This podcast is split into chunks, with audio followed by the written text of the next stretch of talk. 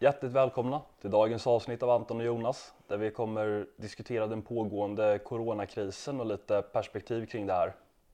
Ja, Välkommen Jonas! Tack så mycket, tack så mycket. Vi befinner oss till skogs väl isolerade från denna samhällsfara och samhällspåfrestningen som vi alla nu genomlider. Ja, du kanske. Jag, jag jobbar ju för er som inte vet inom serviceyrken så jag har ju extremt mycket kontakt med människor. Ja, ja det, min, min eh, tjej är inne på femte månaden eh, och eh, ja, det finns en viss oro för ja, komplikationer med, med graviditeten och det här viruset. Så vi har tagit det lite säkra för det osäkra och därmed bjudit över Anton dagen ja, precis. Jag kommer stå i dörren hela helgen och ja. ha kontakt med massor av människor. Ja, så det här blir nog sista gången vi, vi ses på ett tag. Ja, det, var, det får vi göra ett riktigt bra avsnitt nu då. Ja. Nästa blir kanske då över, över Skype. Nästa monolog kanske blir över min hädangång. Ja, får se. Man kan alltid hoppas. Eh, likvaka. Och apropå det, eh, alla våra eh, videos här på kanalen blev avmonetiserade utav Youtube i, igår faktiskt.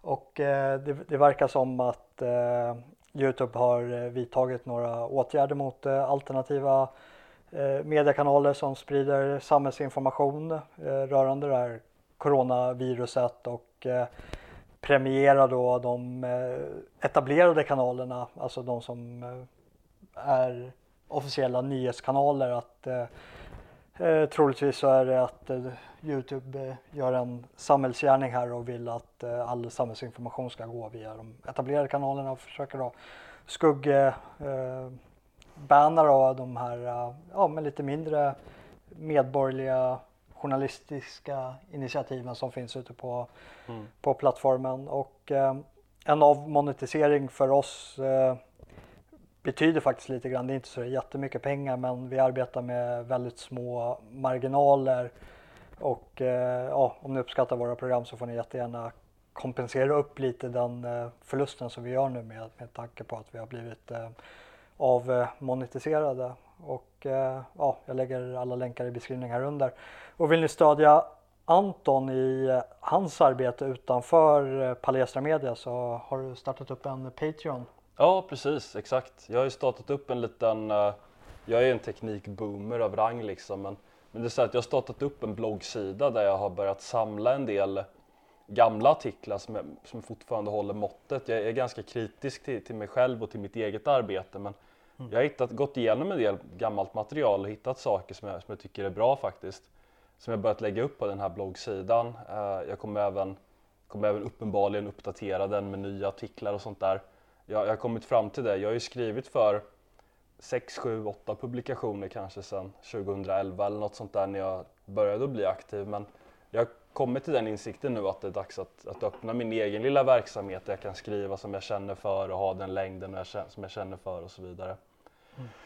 Och eh, det är väl så här också att jag har inte lust att låsa något material utan jag, jag vill att allt ska vara så tillgängligt som möjligt. Eh, att, att, alla ska kunna läsa att det inte ska vara några betalväggar och sånt där. Eh, så jag kan tyvärr inte riktigt erbjuda den som tecknar upp sig på Patreon för någonting utan det är bara för den som vill ge mig en, en klapp på axeln helt enkelt. Jag lägger äh, även en länk till den i beskrivningen här under. Ja, soft. Ja, eh, om vi då halkar in på det som nu har börjat utveckla sig till att bli en ganska allvarlig samhällskris med den här pandemin utav eh, coronaviruset så finns det vissa saker som slutsats man kan dra ganska, ganska omgående och det är att det här inte är ett eh, så kallad eh, Black Swan. Vi har ju tidigare gjort lite avsnitt om eh, Nassim Taleb och han har ju nästintill figurerat lite som en husgud i våra sammanhang. Vi har ju mycket referenser och hänvisningar till hans eh, teoretiska ramverk. Och, jag, jag måste bara fråga innan du fortsätter mm. att uh, vad är en Black Swan? Jag tänkte precis. Och vad innebär det i det här sammanhanget? tänkte, tänkte precis halka in på det. Det är en, en svart svan. Det, det är sådana händelser som existerar. Det finns svarta svanar där ute men det är ingenting man förvänta sig att eh, se utan man ser vita svanar men sen helt plötsligt så kommer en svart svan och eh, överraskar dig. Man kan kanske, vi, vi är ju båda kampsportare, du gjorde ju din MMA-debut här häromåret mm. och säkerligen ska gå fler matcher. Men eh, en svartsvan är det här bukslaget du inte ser komma som eh, sänker dig. Som får dig att Precis. tappa andan och gå ner för räkning. Du vet att de finns där ute men eh, det som definierar den svarta svanen är att du inte ser den komma och den överraskar dig. Medans nocken som slår dig över käken, du kanske ser den komma faran men du kan inte göra någonting åt det. Det är bara en elak vit svan som gör att du, med helt ja, ja, men- ja, men som faller på grund av kanske din egen oförmåga till att faktiskt hålla uppe garden. Vilket eh, även det där bukslaget eh, gör. Och det som inte gör det till en riktig Black Swan event är att eh, kollar man på eh, de krishanteringsförberedelser alla samhällen gör. Alltså vi har ju MSB som en eh, organiserande myndighet som ska agera som en plattform för alla de verksamheter och samhällsfunktioner vi har i samhället där de kan samverka och eh, hantera de här kriserna som kommer som inte bara drabbar en enskild eh, verksamhet eller en enskild samhällsfunktion utan som sträcker sig vidare över samhället. Och eh, är det någonting som man faktiskt har siat om tidigare när, ja, när jag faktiskt studerade, eh, vi, vi båda har ju läst statsvetenskap och eh, min inriktning inom det statsvetenskapliga var just eh, krishanteringsprocessen inom myndighetsförvaltningen. Och en av de saker man teoretiserade kring mycket, det var ju just virus och pandemier. Mm. Att det här är någonting vi ser i, i en överskådlig framtid med globalisering, med den ökade rörligheten och med någonting som vi måste stå förberedda mot. Så, Ja. så, så vetskapen inom MSB och eh, inom den akademiska världen rörande de här krishanteringsprocesserna så har kunskapen varit där. Men eh, utav olika anledningar så har vi inte stått eh, förberedda för utan det har ändå överraskat oss. Och det är inte- inte bara att det har överraskat oss i första led utan det är andra länder i, eh, i närtid som har drabbats av det här varpå man kan ha dragit slutsatsen också att eh, det finns en överhängande risk att det kommer komma hit. Och på kort varsel, för man nu ska gå från det ledet, eh, från, eh, vi fick de första varningssignalerna från Kina och när viruset började sprida sig ut från Kina, ja vi, vi skulle kanske inte kunnat mobilisera upp eh, respiratorer genom nya inköp eller någonting. Men det finns eh, garanterat andra samhällsåtgärder som man hade kunnat vidtagit för att dämpa vissa former av effekter. Till exempel kanske säkerställt att en sån eh, enkel sak som eh, handsprit skulle finnas tillgänglig eller, Eller toalettpapper. eller toalettpapper eller skyddsutrustning på sjukhusen. Eller Och det- andningsmasker eller Ja, liknande. och det, det här blir visst lite problematiskt för då pratar vi, går vi in på lite så beredskapslager. Eh, och eh, beredskapslager har ju en eh, viss kognition utav sig som är längre än det här korta fönstret som jag pratar om nu. Alltså att man kunde ha vidtagit vissa åtgärder när man redan fick reda på det där. Och det är ju att vi har gjort oss av med, eh, vi har ju nedmobiliserat avmobiliserat totalförsvaret och civilförsvaret till den graden att vi inte längre har de här stora beredskapslagren för att kunna klara en, eh, en eh, samhällspåfrestning påfrestning utav någon form av större magnitud utan vi har förlitat oss på nya logistiska system som eh, kan beskrivas som just in time, just enough, just in place. Mm, Och just eh, det. det, det, det är väldigt kortsiktigt effektiviserat, det är väldigt så här, slimmade organisationer att eh, eh, vi har precis det vi behöver för att klara uppgiften. Och det går också i linje med totalförsvarets avveckling från invasionsförsvar till att vara ett insatsförsvar. Mm, Och, och, och där i så har vi då inte längre haft behov av de här stora eh, beredskapslagren i och med att vi inte betraktar det som en eh, risk att eh, Sverige kommer bli invaderat och vi behöver inte förbereda oss för den eh, extremaste utav samhällspåfrestningar som kommer med det. Utan vi har ett insatsförsvar att Sverige ska försvaras borta i Afghanistan. Vi ska se till att stävja terrorismen och eh, grogrunden för terrorismen där borta så vi kan vara tryggare hemma. Men det är ju här, den här händelsen vi har nu belyser en ganska fundamental sak och det är att svensk försvarsmakt med allt det innebär inom totalförsvaret, hemvärnet, civilförsvaret fyller andra samhällsviktiga funktioner utöver att försvara Sverige med, eh, med vapen i hand. Absolut. Och eh, jag, jag hade några punkter här faktiskt. Jag tycker det är bra att du kommer in på det här. För vad, vad, det, vad den här typen av kriser gör, det är ju att den sätter, den ställer saker och ting på sin spets. Att allt det här som du precis räknar upp, det här just in time systemet, det här med att det inte finns några lager längre, det här att vi har ett system som är så oerhört bräckligt verkligen. Mm. Allting bygger på att det rullar på, att det inte kommer några påfrestningar, att det inte händer något oväntat och sånt där. För, för då kollapsar allting ganska omgående. Men det sätter ju fingret lite på samhällets eh, smärtpunkter egentligen. Och, och, vad jag tänker på framförallt det här är att det sätter fingret på svenska statens smärtpunkter. För, för uppenbarligen så, just det här civilsamhälle och marknad fungerar ju fortfarande. Att om du går in i en matbutik just nu, ja visst det kanske är slut för tillfället, men om du kommer dit eh, två dagar senare så kan du räkna med att leverantören har kompenserat för det genom att fylla upp hyllorna igen genom att beställa in mer, mm. mer saker. Men just när det kommer en sån här, som, som corona blivit, en sån här kris och det här ska pröva politiker, statstjänstemän, olika typer av experter. Det ska pröva statens robusthet och förmåga att, att hantera de här situationerna. Då ser man ganska snabbt att allting fallerar och det sätter fingret som jag ser det på att många år eller flera årtionden av politisk utveckling har lett Sverige i helt fel riktning. Därför att mycket av det som politikerna har gjort, mycket av det de har eh, instiftat, mycket av det de har tagit bort är helt värdelöst i det här läget. Det, alltså Sverige i en annan tid, det var ju som du sa innan när vi hade ett totalförsvar som var fokuserat på att försvara Sverige som byggde på att man skulle mobilisera hela samhället. Mm. Det bytte man ju ut mot det här insatsförsvaret där man har vissa utvalda elitförband som man skickar iväg till Afghanistan eller Mali eller vad det nu kan vara.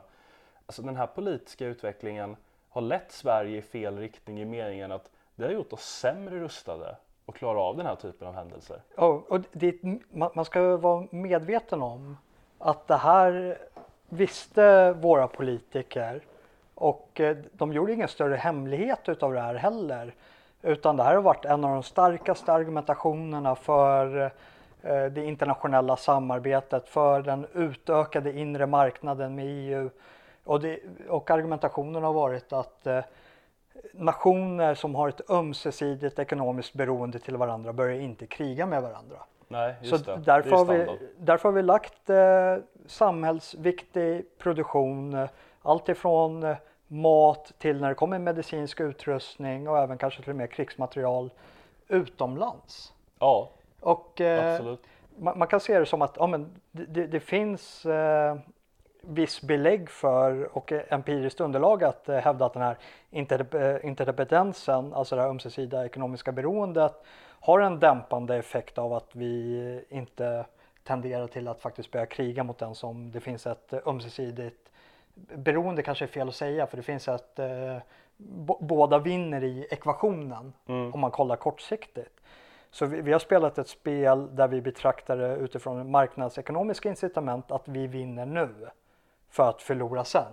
Istället för att förlora nu genom att vara lite protektionistiska, att eh, det svenska samhället ser till att vi Vissa saker ska produceras hemma vid vilket gör att det blir en kortsiktig kostnad över att om vi kanske inte får det bästa priset eh, på den här produkten i produktionsledet. Men vi gör så att vi då förlorar nu men vi vinner i framtiden. Istället för som det har varit att eh, fokus att vi vinner nu men vi förlorar i framtiden. Och så eh, ser vi vissa tendenser nu att mycket av vår medicinska utrustning tillverkas ju till exempel i Kina. Mm. Och nu är det ju ett eh, virus eh, som eh, man inte riktigt kan betrakta som eh, en fientlig part på det sättet. Men det finns eh, hårda säkerhetslägen som kan uppstå där man faktiskt hamnar i en riktig polemik med eh, annan eh, eh jämbördig part. Och då kan det bli ännu mer problematiskt om det är så att den parten är faktiskt de som producerar våra kulor. Ja, det, ja alltså för, för man ska nu ta ett extremt exempel. Eh, men som inte är alls osannolikt att det skulle Nej. kunna hända. Och det är ju lite det också att alltså det här är inte, det är inte så att vi säger att man inte ska handla med andra länder men det är ju bara ett faktum att ett land måste ju kunna säkra sin egen produktion av basvaror. Mm. Och det gäller ju matproduktion, kläder och nå- något Och som det, är... det, det, det går ihop med den här inre marknaden över nationsgränserna och det är om en part i en sån ekvation har ett eget beredskapslager så säger det på det diplomatiska planet att visst, vi, vi kanske samarbetar här men jag litar inte på dig. Och det, det ska man inte göra heller, inte fullt ut. Det kan inte finnas tillit för man inte också kan stå på sig. Och där har ju liksom svensk eh, eh, diplomati, svensk internationell politik och hela den geopolitiska arenan som vi befinner oss i fullständigt fallerar. Just i och med att vi inte kan säkra för vår egen eh, försörjning.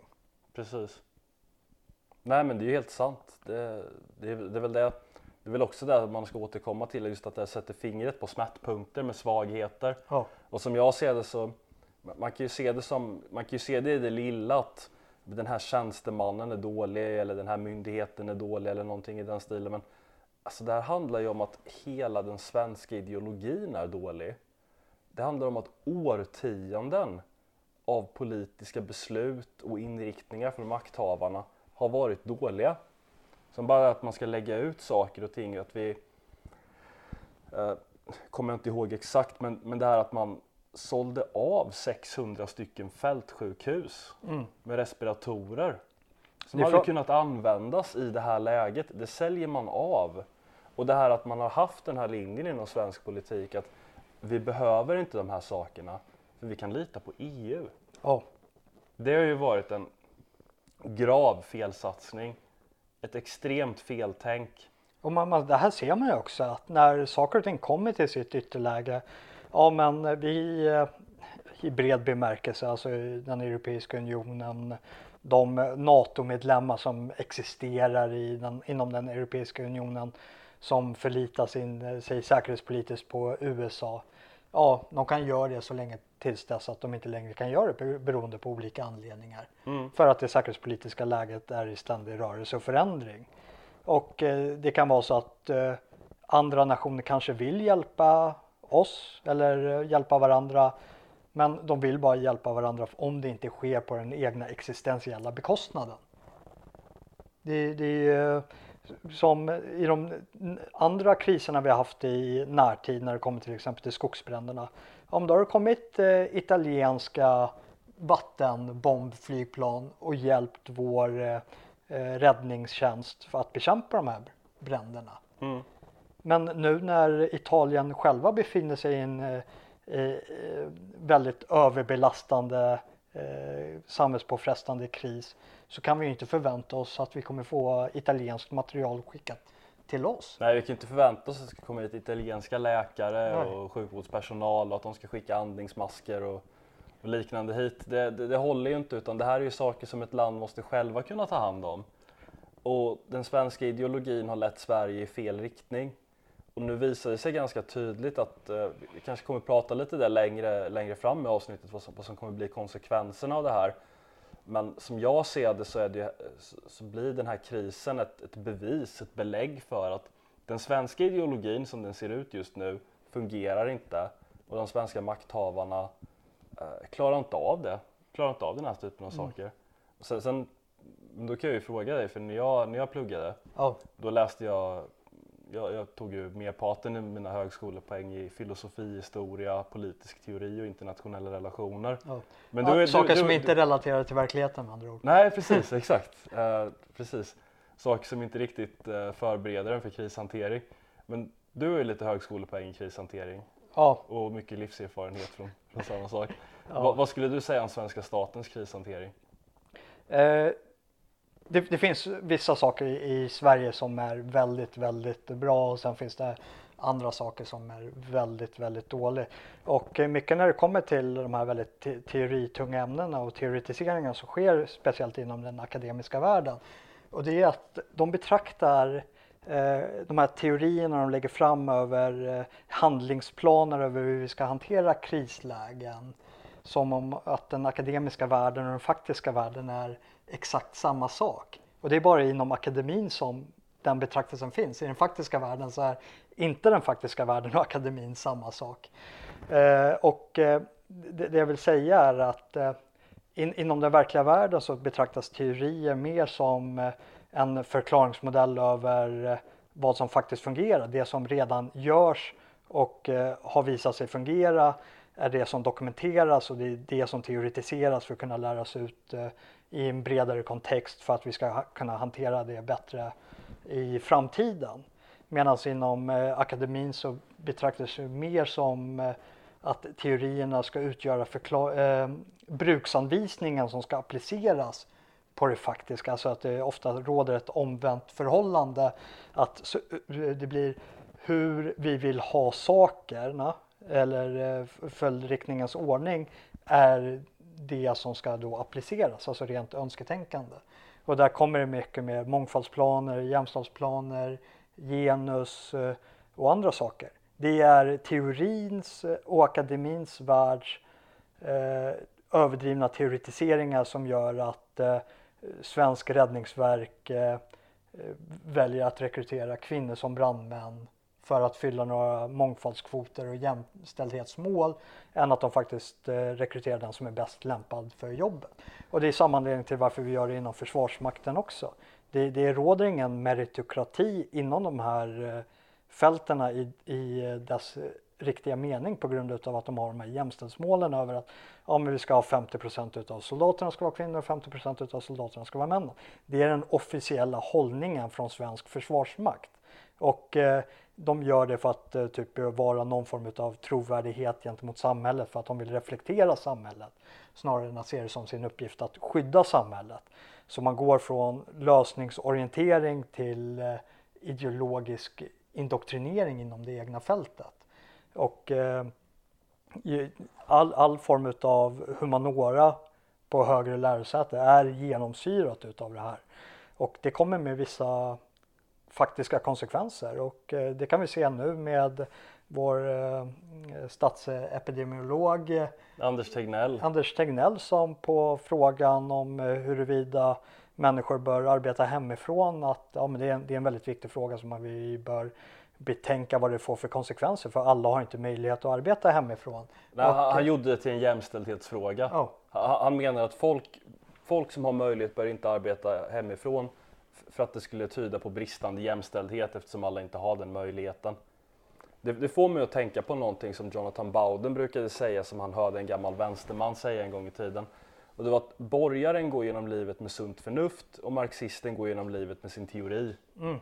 Och, ja, det, det, det, slår lite huvudet på spiken på det, på det jag försöker. Ja, det, det är ju exakt så det är att en, en, en normal människa som, som bara liksom inte ska se verkligheten genom tjocka ideologiska filter utan bara, bara tänk vad, är rimligt i det här läget? Jo, men det är att människor isolerar sig själva under en tid så vi kan dämpa den här smittspridningen. Men den här mannen, han vill alltså göra det genom en, till en ideologisk fråga. Han vill blanda in vänster. Det är alltså viktigare för den här statsepidemiologen att blanda in vänsterideologi och upprätthålla den i det här än det är att agera i enlighet med det sunda förnuftet. Oh och det som vore medicinskt rimligt. Det, det, är väl ett underkännande av något av den svenska ideologin och den här typen av människor. Och, och Sverige agerar eh, väldigt speciellt vad vi jämför med andra länder i de här avseendena. Och det ligger lite i, i vår eh, in, inom hur vi betraktar den statliga förvaltningen över att eh, vi inte har ministerstyre och eh, saker och ting ska försöka skötas så normalt som möjligt i händelse av kris och eh, så lokalt som möjligt och så vanligt som möjligt och den som ansvarar för uppgiften i eh, normalläge ska även ansvara för uppgiften i, eh, i krisen. Och eh, det, det, skapar en situation där vi kanske blir väldigt duktiga via MSB som utgör en eh, samlingsplattform för alla olika aktörer där de kan föra en dialog. Alltså vi har bra samband men vi har ingen samordning. Nej, det är ingen som går in och tar beslutet över okej, okay, ja, men nu gör vi så här för att uppnå det här målet. Sambandet ska tjäna till att få alla eh, parter införstådda i vad är det för problem vi har och eh, vad, var vill vi komma? Mm. Och alla vill ju komma tillbaka till ett normalläge. Men det är ju samordningen och beslutet som eh, utformar det riktiga medlet för att nå den riktningen. Och eh, om vi bara har den här platta strukturen där vi ska nå en konsensus och först vid konsensus börjar liksom agera, om då kommer vi agera väldigt, väldigt sent och vi kommer agera för sent. Vi kommer agera så pass sent så när alla andra parter anser att det, den logiska följdriktningen i det här skedet är att stänga gränserna så behöver Sverige inte stänga gränserna för alla grann, eh, intilliggande länder har redan stängt gränserna åt oss. Mm. Så det, det, det, är ju där den här processen eh, sakteligen kommer. Och eh, det baseras ju också på ett förtroende från medborgarna till makthavarna att eh, det faktiskt är någon som går in och tar kontrollen. Och här, här finns det li, lite grund i den svenska modellen och det är att eh, ofta så handlar det lite om att elda för kråkorna genom att ha en ledare som går fram, ja men nu gör vi så här och det kan vara överdrivet och det kan vara onödigt men det visar åtminstone på en handlingskraft över att jag, jag söker omvårdnad för de som jag är satt att skydda. Och eh, här, jag, jag, tycker att det är bättre än det vi har idag. Framförallt på grund av den endaste anledningen att då är den parten i rörelse. Så om den eh, ministern eller liksom statsledningen eldar för kråkan att just den eh, effekt, eh, åtgärden som man vidtar inte har direkt effekt så är den i rörelse. Det är alltid lättare att ändra någon som är i rörelse än att få någon att börja röra sig. Så den här sambandsorienteringen eh, som vi har inom MSB kan vara ganska, ganska förödande i, i form av faktiskt samhällseffekt över att vi ska klara saker och ting. Men det, det också finns en ljuspunkt här inom den svenska modellen och det är vad man, vi fick den frågan på Twitter och det är förtroendet eh, mellan svensk myndighet och eh, svensk enskild medborgare. Och eh, jag tror att den svenska handlingsförlamningen från myndighetsförvaltningens sida har påvisat att den slutgiltiga ansvaret för din egna situation är hos dig som individ tillsammans med de andra som du faktiskt bryr dig om. Så man måste någonstans skapa sin egen säkerhet och se över den och eh, vi har sett svenska medborgare att agera efter det och eh, man har börjat tänka på att om man har mat för visst antal längd och kan sörja för sig själv ett visst tag utan att eh, nödvändigtvis förlita sig till fullo på de svenska myndigheterna. Och det, det tror jag är ett sundhetstecken om inte, om inte annat. Tror du Alltså, grejen är att jag, jag säger inte emot ja. egentligen men jag, jag vet jag har sett den här diskussionen lyftas på andra, på andra ställen och det är väl en sorts eh, vad ska man säga, stat kontra frihet, mm. dikotomi i, i det här sammanhanget. Att vem är det egentligen som ska agera i ett sånt här läge? Är det staten eller är det civilsamhället? Och, det... och, och en, en sekund bara. Jag läste ett väldigt intressant blogginlägg av en person som heter John-Olof Bengtsson som skrev en, heter Staten, Gud och pandemin. Mm. Och det handlar om att eh, i Kina till exempel där, eh, nu är inte jag inläst på alla detaljer med hur Kina har hanterat det här, men han argumenterar i alla fall för att i Kina så kunde staten gå in väldigt kraftfullt. Man kunde införa karantän, man byggde upp tillfälliga sjukhus för att ta hand om de som hade blivit smittade och så vidare. Man gick in på ett helt annat sätt än den här vacklande, den här, de här vacklande tjänstemännen och politikerna som vi har haft i Sverige där man har varit extremt obeslutsamma extremt ovilliga att komma, komma till någon slutsats och, och, och agera på det här och göra någonting åt det. Att, att ska, det liksom, ska det här vara upp till var och en som individ och, och tänka att men jag kan bunkra mitt eget toalettpapper och jag, jag, jag försvarar inte hur, hur du beskrev den svenska insatsen. Det bristen nu. på insats? Ja, verkligen. Utan en, en viktig process inom all form av krishantering och det här är liksom krishantering 1.0 101 och det är att eh, som beslutsfattare, som ledare är att eh, faktiskt föra en god kommunikation med dem du företräder så att de vet vart du är på väg och där har ju Tegnell fullständigt eh, fallerat. Att eh, han har svängt eh, från dag ett eh, till dag två till dag tre och eh, menat på att ja, men, eh, Vissa åtgärder måste man sätta in beroende på var i kurvan vi befinner oss. Och där måste han ju vara väldigt tydlig. Om man nu har den strategin så måste man ju förmedla det. Att vad, vad är det vi kollar på? Det finns ju inget riktigt sätt att kolla på det för vi testar inte människor så vi vet inte riktigt vart i kurvan vi, Nej, vi vi har ju befinner oss. slutat att testa Ja. människor. Vil- Vilket Vi har är, inte den kapaciteten. vi, vi, vi kan gå in på konsekvensen utav det sen för, för det kommer med ganska stora konsekvenser. För en sak är ju att har du fått sjukdomen så räknas du väl inte som smittbärare när du har blivit frisk i och med att eh, man förhoppningsvis är någorlunda immun och då kanske man kan röra sig i samhället på ett annat sätt. Men är det så att du inte har insjuknat allvarligt och eh, blir frisk och du vet inte om det var coronaviruset som hade gjort dig sjuk eller om det var vanlig förkylning eller annan sjukdom som gjorde att du var ner, nere.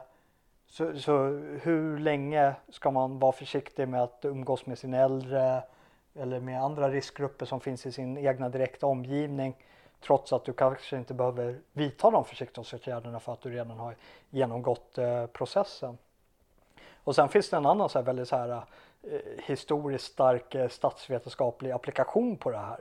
Och eh, det är ju Machiavelli som eh, gjorde det väldigt, eh, gav ett väldigt tydligt råd till makthavare. Och det är att om du ska straffa dina eh, medborgare eller undersåtar så ska du göra det på ett bräde.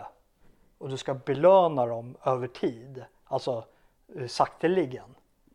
Och eh, om vi applicerar det på den här krishanteringsprocessen så bör man göra som eh, vissa länder har gjort med eh, ganska starka åtgärder tidigt för att sen kunna luckra upp dem över tid. Ja. Alltså belöningsprocessen. Alltså så man börjar med, okej nu eh, är det allvar, vi, vi tar de här åtgärderna för att se vad som händer. Det är ett nytt hot, vi vet inte vad det här viruset är, vi vet inte vad vi har för vaccin, vi vet inte hur samhällsskadligt och samhällspåfrestande det här kommer vara. Så vi vidtar ganska drakoniska åtgärder dag ett som vi sedan luckrar upp långsamt över tid. Och då följer den här machiavellianska idén över att eh, då håller du folk nöjda. Men eh, gör det omvänt, att vi gör ingenting först, alltså nu är vi inne på den svenska modellen med Tegnell. Vi gör ingenting och sen så straffar vi medborgarna lite allt eftersom genom Ja, att dra in lite saker. Det finns väldigt här, starka psykologiska effekter i, i det eh, handlandet som också är väldigt förtroendeskadande till, eh, eh, till ledarskapet för de kommer alltid uppfattas som att vara tvåa på bollen. Och anledningen till att vi vet att de uppfattas nu är det här subjektivt, det finns ju liksom inga objektiva termer i och med att vi inte har de här vetenskapliga studierna om det, de kommer ju komma långt efteråt. Men det, vi vet att han uppfattas som tvåa på bollen för att eh, företag och myndigheter har gjort mer långt mer vitgående åtgärder än vad Folkhälsomyndigheten själva rekommenderar. Absolut. Det är, det är bara att titta på, på gymmen till exempel. Ja. Det, det är vissa som har stängt och då har de gått emot rekommendationerna. För just nu är rekommendationerna att de ska hålla öppet. Och jag håller verkligen med dig. Jag tycker det är ett jättebra perspektiv. Jag tycker att när det här blev en grej då borde man gått in hårt från början och bara men stäng ner alla idrottsevenemang, stäng ner alla nattklubbar, stäng ner alla den, av den här typen av spridningszoner och, och Ja. öppet essentiella. Och det är sen- det som är problemet tid när för man att det ser- går emot den svenska statliga förvaltningsprocessen. Precis. För den ministern som skulle gjort det skulle bli då anklagad för att ha bedrivit någon form av ministerstyre vilket är, Det där är ju- olagligt i Sverige. Det där är faktiskt en intressant fråga i sig Mm. för eh, som jag tycker är helt bizarr faktiskt. För det är faktiskt så här att det som systemets legitimitet grundar sig på inom den här ideologin Ja. som vi lever efter är demokratin. Det är att man är vald. Politiker har en högre legitimitet än vad tjänstemän har för att de är demokratiskt valda medan tjänstemän är tillsatta. Det, det är ju så här, Carl Schmitt gjorde en väldigt eh, intressant liknelse, nu kanske hälften av er inte hänger med. Men eh, det, det, det, du ser ändå bi- big brain boss. ja, nej, men det, det, det är att ha ett politiskt system där du har beslutsfattare som inte får ta några beslut. Det är som att gå i kyrkan och inte ens tro på Gud. Nej men Det- verkligen. Det, det, det sätter så mycket ur spel. För det, som jag ser det så är det givet att nu har vi det här systemet med, med demokrati och sådana här saker. Alltså det är oberoende av själva systemet. Det är liksom den, det är på tronen. Det är kungen som sitter där men han har ingen makt. Nej men lå- låt mig komma till poängen Okej, jag ska Det- försöka. för, för jag, jag håller med att Ja. det är ju givet liksom att någon måste ju fatta beslutet. Men så det så här att det går emot systemets egen logik. För Ja. i det här systemet så kommer legitimiteten från demokratin. Man kan ju tycka vad man vill om en minister. Jag menar, jag har ju inte valt Mikael Damberg eller Morgan Johansson eller någon av de här människorna. Men i enlighet med systemets logik så är de här människorna demokratiskt valda. Och i enlighet med samma logik så har de ett högre förtroendekapital än vad en tjänsteman har eller vad en företagare har eller någonting i den stilen. För att de här människorna är valda av folket, de är ansvariga för folket och så vidare. Och då borde det inte vara helt orimligt att ministern även får bestämma de här sakerna. Det går emot systemets logik att ministerstyre ses som någonting dåligt. De här människorna borde ju ses som att de har mer legitimitet. Och sen om man bortser från den frågan så håller jag ju med dig helt och hållet att en av fördelarna med, med ministerstyre är ju att då har man ju en person man kan hålla ansvarig. Ja. Vi har ju inget tjänstemannaansvar i det här landet och det kanske ändå skulle vara svårt att lägga ut ansvaret på en anonym byråkratisk organisation där det kanske inte är en person som har fattat ett beslut utan där man nästan ser det som att det är en hel myndighet som har fattat ett beslut. Men om man hade en minister som, som hade ansvaret då skulle man faktiskt veta vem man ska peka på när det har gått fel.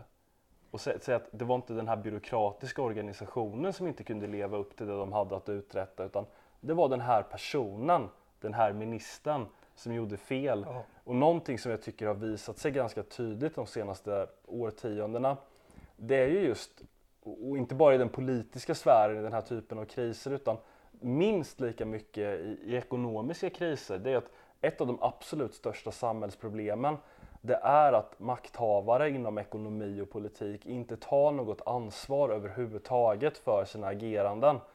Eh, Du Nej, de du de in- hålls bakom ryggen att eh, om folket utkräver ett ansvar, ja, men då får den byta position och så dyker den upp i, i någon annan högt avlönad inom eh, den statliga förvaltningen. Ja, det, det där är ju klassisk i, i det lilla då sosseripolitik att antingen sparkas folk snett uppåt, de blir landshövdingar och har de gjort sig riktigt omöjliga så hamnar de i den så kallade elefantkyrkogården och blir generaldirektörer för någon myndighet som ingen tycker är så intressant. Men, men det är ju bara att titta i det större perspektivet i USA till exempel att eh, du kan lobba för att vi ska invadera Irak till exempel, en av de största humanitära katastrofer på, på väldigt många år. Det är total katastrof, helt misslyckat. Eh, ingen har fått utkrävt något ansvar för det här. Eller det här, de här människorna inom, högt uppsatta inom banker och liknande som har varit ansvariga för de här spekulationerna som gjort att ekonomin har kraschat. Det är ingen som har tagit ansvar för det heller. Utan skattebetalarna har bailat ut de här människorna och många av dem har kunnat dra sig tillbaka med mer pengar än de hade från början. Och det är någon typ av mekanismer åt det hållet som behövs också i sådana här lägen. Att när någon har misslyckats när det gäller att sköta offentliga angelägenheter Det måste finnas någon som ska, måste bära ansvaret för det där. Ja, någon måste hållas ansvarig. Och det är här är betraktelsen till liksom det statsvetenskapliga liksom konstverket och det är huruvida våra makthavare är bundna utav våra gemensamma regler eller ifall det är faktiskt de som är i kontroll över dem. Och problemet med regler är ju för att de, ska, att de regler ska hantera eh, förutsedda händelser liksom det, inom, det vardagliga, inom den vardagliga förvaltningen, alltså det man förväntar sig ska kunna hända. Men en kris är per definition någonting som är oförutsett. Precis. Vilket innebär att våra makthavare måste vara i kontroll över reglerna och kunna införa undantag för att hantera den uppstådda situation som man inte visste om skulle hända. För om du visste om vad den skulle hända så skulle liksom regelverket vara i plats för det och man skulle kunna hantera det och därmed skulle det inte heller vara en kris. Mm. Ja men exakt. Ja. Eh, ja, men innan vi eh, halkar vidare till nästa avsnitt, vilket är nästa vecka, eh, så finns det en, en sak som man eh, bör hålla lite utkik för och eh, det är att det, det finns reformivrare inom eh, alla politiska läger. Och eh, ett av de absolut största fönster för att genomdriva en reform är i svallvågen efter en kris. Absolut. Kris upp, sätter ju gamla regler ur spel. Ja, och eh, när gamla regler sätts ur spel så är det lätt att smyga in nya på gott och ont. Är det något särskilt du tror kommer hända efter det här? Eh, jag, jag tror att eh, det, det finns lite att spekulera i. Eh, dels så beror det ju också på eh, vi- vem som kommer gå politiskt vinnande ur det. Vi, vi ser inom svensk politisk ledning så ser vi att eh, det har blivit eh, det, det, det är lite nutidshistoria som skrivs här för Sverigedemokraterna har inkorporerats lite i det. Och eh, det är vad man kan kalla så här att vår politiska ledning har rally under the flag. De har bytt ut eh, partipinsen mot Sverigeflaggan. Eh, det är lite känningen över att ja, men vi företräder nu faktiskt Sverige, vilket jag tycker borde vara eh, gängse norm när man sitter i regeringsställning att man lägger partipinn åt sidan och faktiskt företräder folket i en bredare bemärkelse och därmed lyssnar in alla och eh, söker eh, ett brett eh, beslutsunderlag för att eh, genomföra sin eh, politik. Men det finns vissa saker som, som jag, jag tror, för jag får gissa, som kan händas in, inom de här eventuella reformerna för att komma till ordning. Dels med krisen för att söka avslut, men eh, även för framtiden. Det är ett konkret skulle kunna vara att eh, om ett vaccin, eh, om man får fram ett vaccin för eh, coronaviruset att eh, det kan bli ett politiskt beslut över att det ska faktiskt bli eh, obligatoriskt att ta det vaccinet.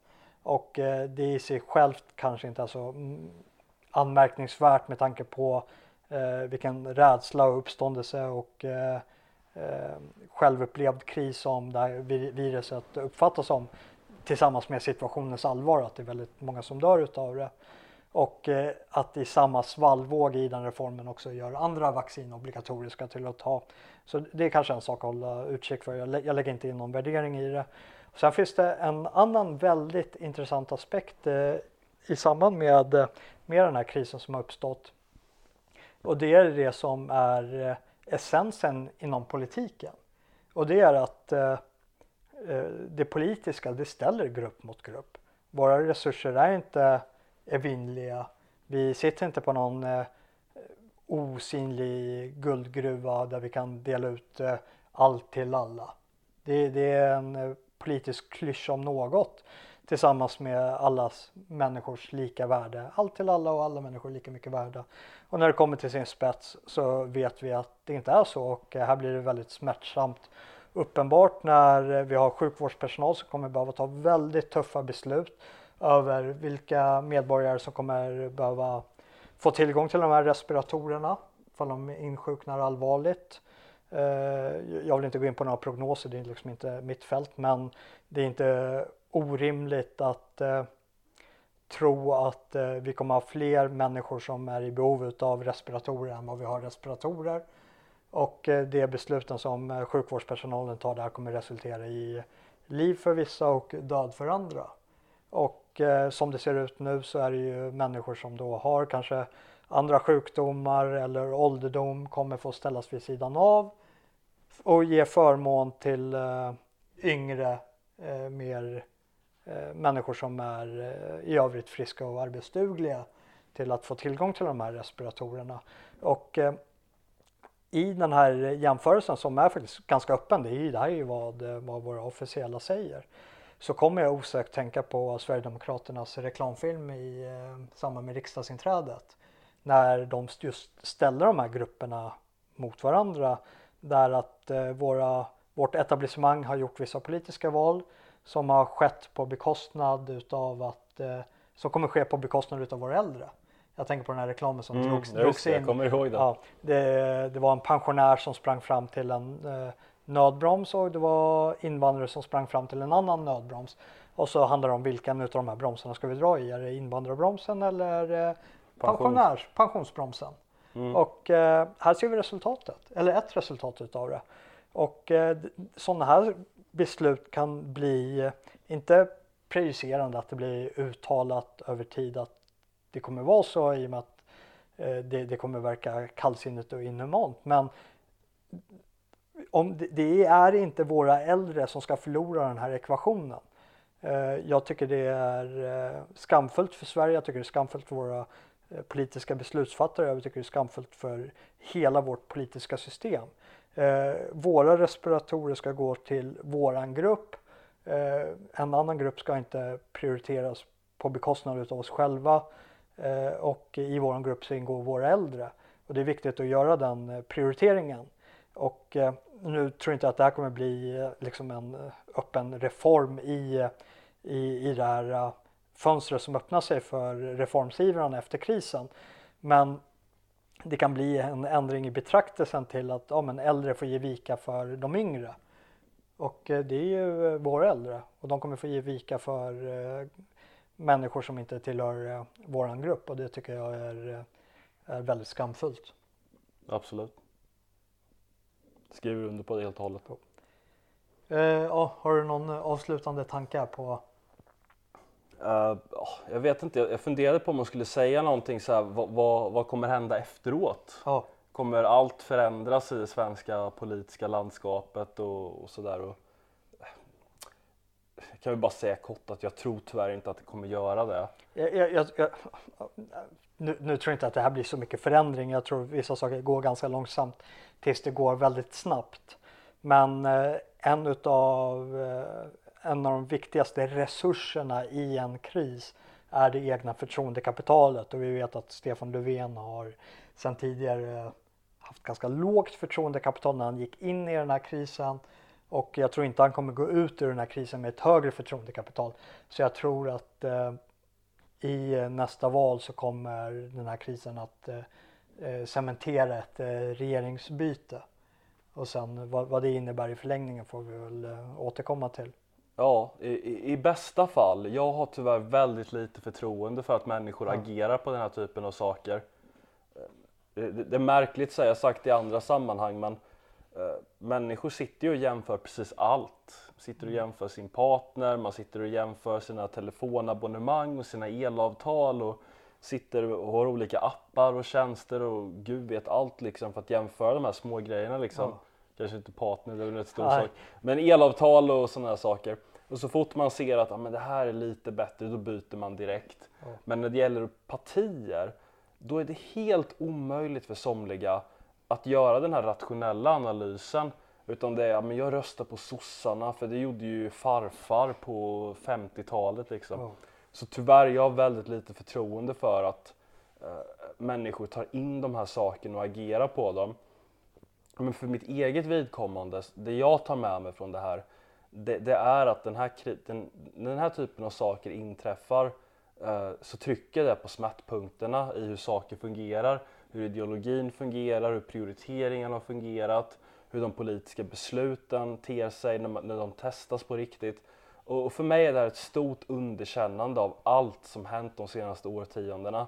Det har visat sig att alla de, i princip alla de beslut och inriktningar man haft under svensk politik, det är att man ska ansluta till globaliseringen, att man ska sälja ut den inhemska produktionen, att vi inte ska ha någon egen kapacitet krishanteringspolicy så att man ska eh, investera så otroligt mycket i olika typer av ideologiska projekt som har att göra med jämställdhet och könsbalans och hbtq och, och gud vet allt liksom.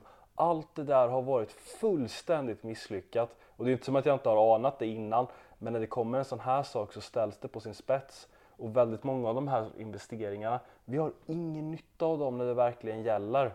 Det här är ett helt underkännande av den svenska ideologin. Det, det är det jag kommer ta med mig från ja.